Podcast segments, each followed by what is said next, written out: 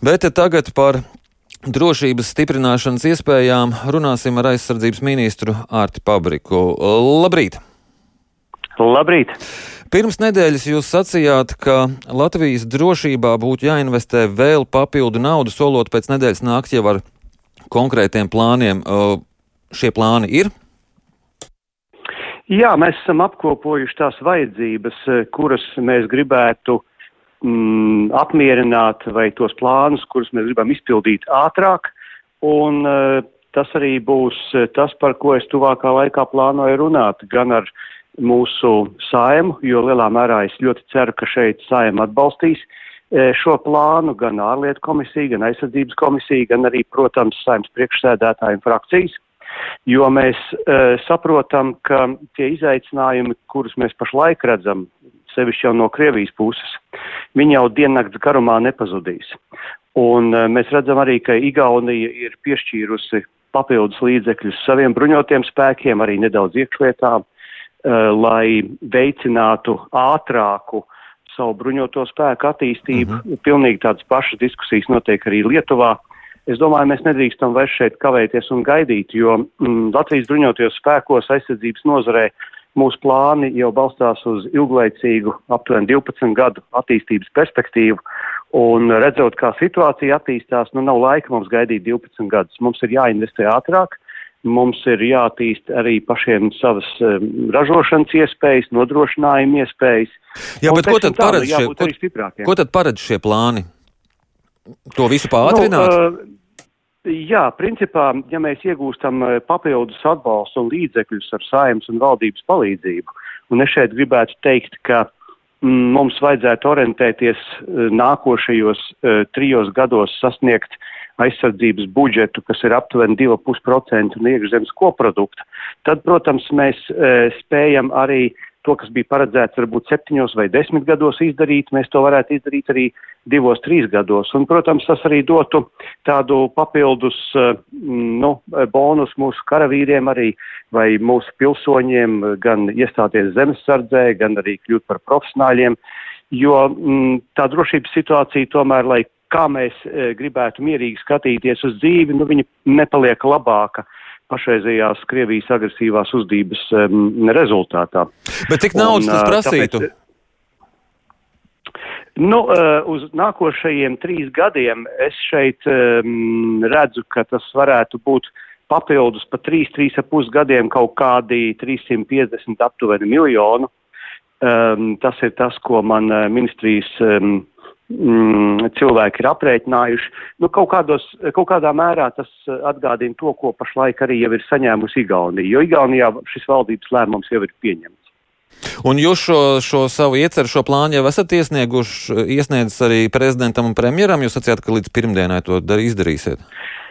Viņi ir informēti mutiski, jo es esmu zvanījis gan premjeram, gan arī prezidenta birojam. Mums bija saruna ar šo, un es, protams, gatavojos nedaudz precīzāk par to runāt rīt ārpolitikas debatēs, jo lielā mērā nu, šeit ir vajadzīgs saimnes atbalsts, lai mēs atkal neieslīgtu birokrātijā. Tā kā man ir mhm. ļoti liela cerība uz mūsu deputātiem, un vienlaikus es arī jau laicīgi varu informēt par to, ka mēs ejam uz priekšu ar vēl vienu um, lēmumu, kas uh, būs lūgums mūsu saimai, proti, ja mums tuvākajos mēnešos ir um, saimā jāakceptē tas, par ko ir vienojušies visi trīs Baltijas aizsardzības ministri, proti, ka Baltijas reģions kļūst operacionāli vienots reģions, kas nozīmē, ka mums bez uh, liekām kavēšanās, ja kāda nepieciešamība, tad visu triju valstu bruņoties spēki var um, šķērsot uh, valstu robežu, iekšējo robežu starp Igauniju, Latviju un Lietuvu un vienotrai palīdzēt, ja nu gadījumā tas ir nepieciešams. Mm -hmm. Tas arī būs uh, saimnes lēmums.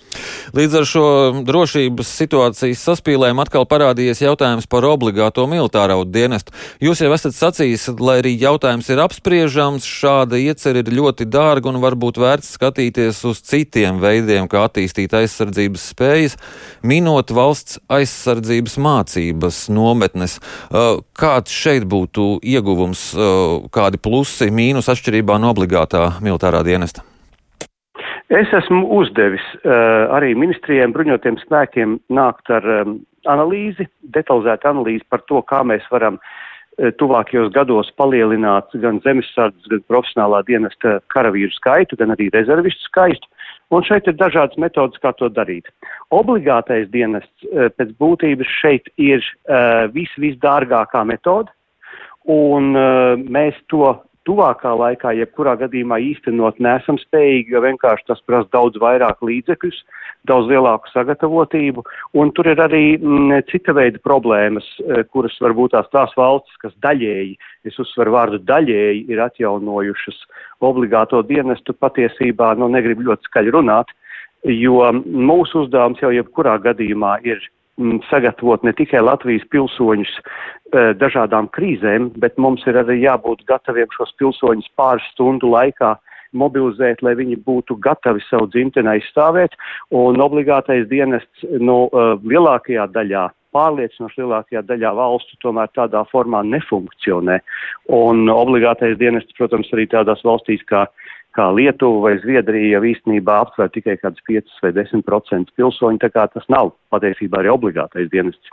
Tā kā šeit ir daudz un dažādi jautājumi, kas ir detalizēti un, un, uh, un um, kas nav atbildāms tādā ļoti īsā rīta intervijā.